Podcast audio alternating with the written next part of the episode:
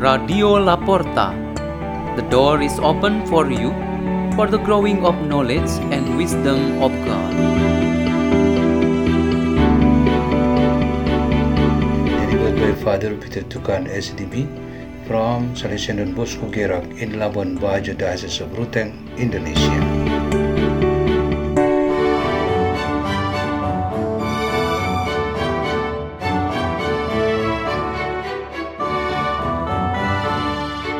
Readings and meditation on the Word of God on Easter Sunday, the resurrection of our Lord and Savior Jesus Christ, April 9, 2023.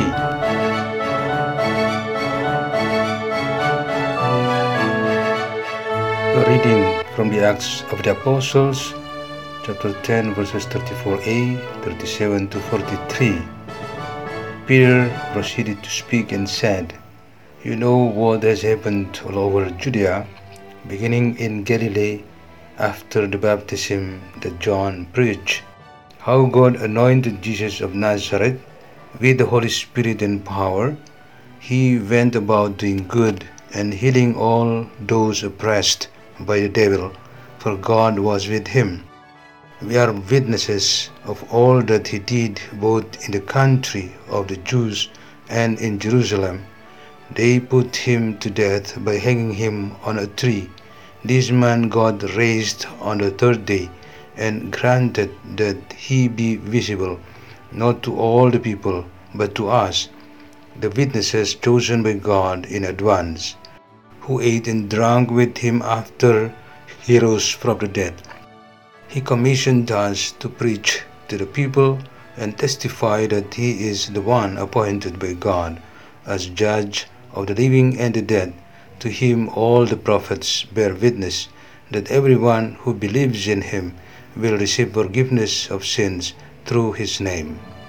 The word of the Lord.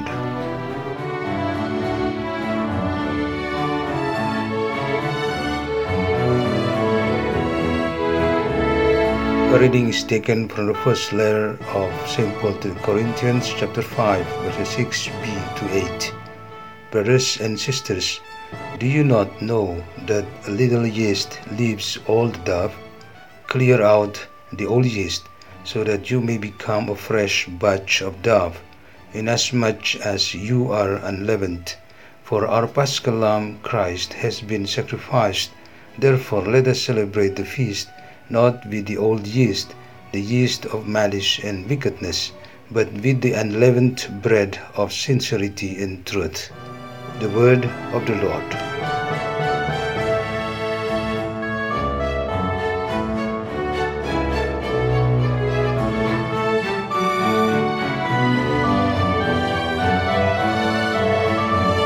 A reading is taken from the Holy Gospel according to John chapter 20 verses 1 to 9.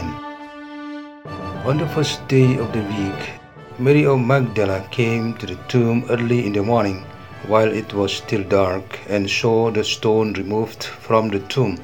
So she ran and went to Simon Peter and to the other disciple whom Jesus loved and told them, They have taken the Lord from the tomb and we don't know where they put him. So Peter and the other disciple went out and came to the tomb. They both ran, but the other disciple ran faster than Peter and arrived at the tomb first. He bent down and saw the burial clothes there, but did not go in. When Simon Peter arrived after him, he went into the tomb and saw the burial clothes there, and the cloth that had covered his head not with the burial clothes, but rolled up in a separate place. Then the other disciple also went in, the one who had arrived at the tomb first, and he saw and believed, for they did not yet understand the scripture that he had to rise from the dead. The Gospel of the Lord.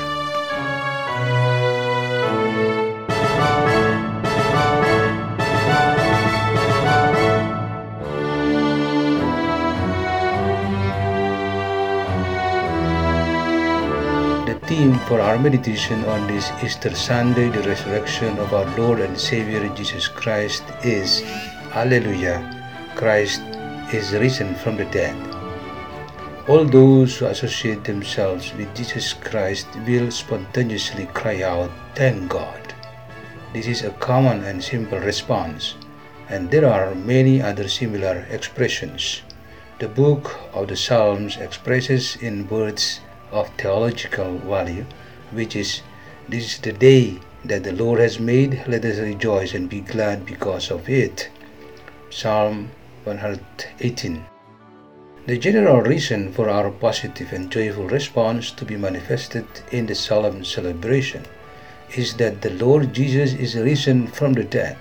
Sin and death and all their influences are defeated by Him.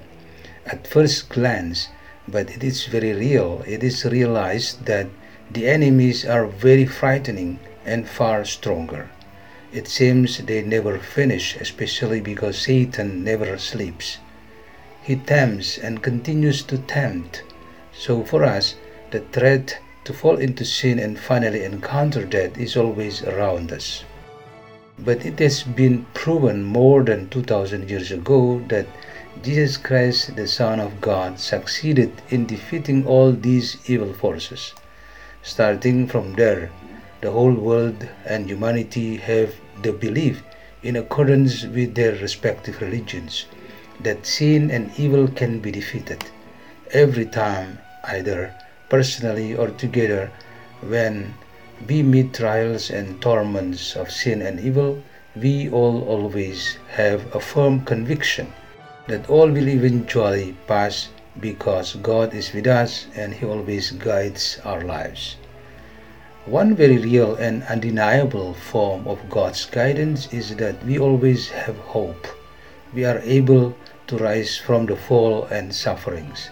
In the world, we are all surrounded by temptations and threat. Our common act is to make joint efforts to fight, defend ourselves, and care for one another so that we are not defeated by the current attack of any form of threat. No matter how great the enemy is when confronted and fought together, and with the power of the risen Lord, that opponent will definitely be defeated. All the testimonies of the resurrection of the Lord Jesus Christ are truly undisputable. The witness began with his tomb being found empty. He himself appeared to the apostles and disciples, including the moment he ate with them after his resurrection, and to a spirituality for all his followers in their journey of faith on earth. Christian spirituality is the style and spirit of life. All of us who follow Christ, we die with Christ in sin and evil, but we eventually rise with Him to live forever with Him. To all of you and each of us, we wish you a happy Easter 2023. Let us pray. In the name of the Father, and of the Son, and of the Holy Spirit. Amen. O Lord Jesus, thank you for your resurrection becomes our precious gift for us. Our Father who art in heaven, hallowed be thy name. Thy kingdom come, thy will be done on earth as it is in heaven. Give us this day our daily bread and forgive us our trespasses, as we forgive those who trespass against us. And lead us not into temptation, but deliver us from evil. Amen. In the name of the Father, and of the Son, and of the Holy Spirit. Amen. Radio La Porta. The door is open for you.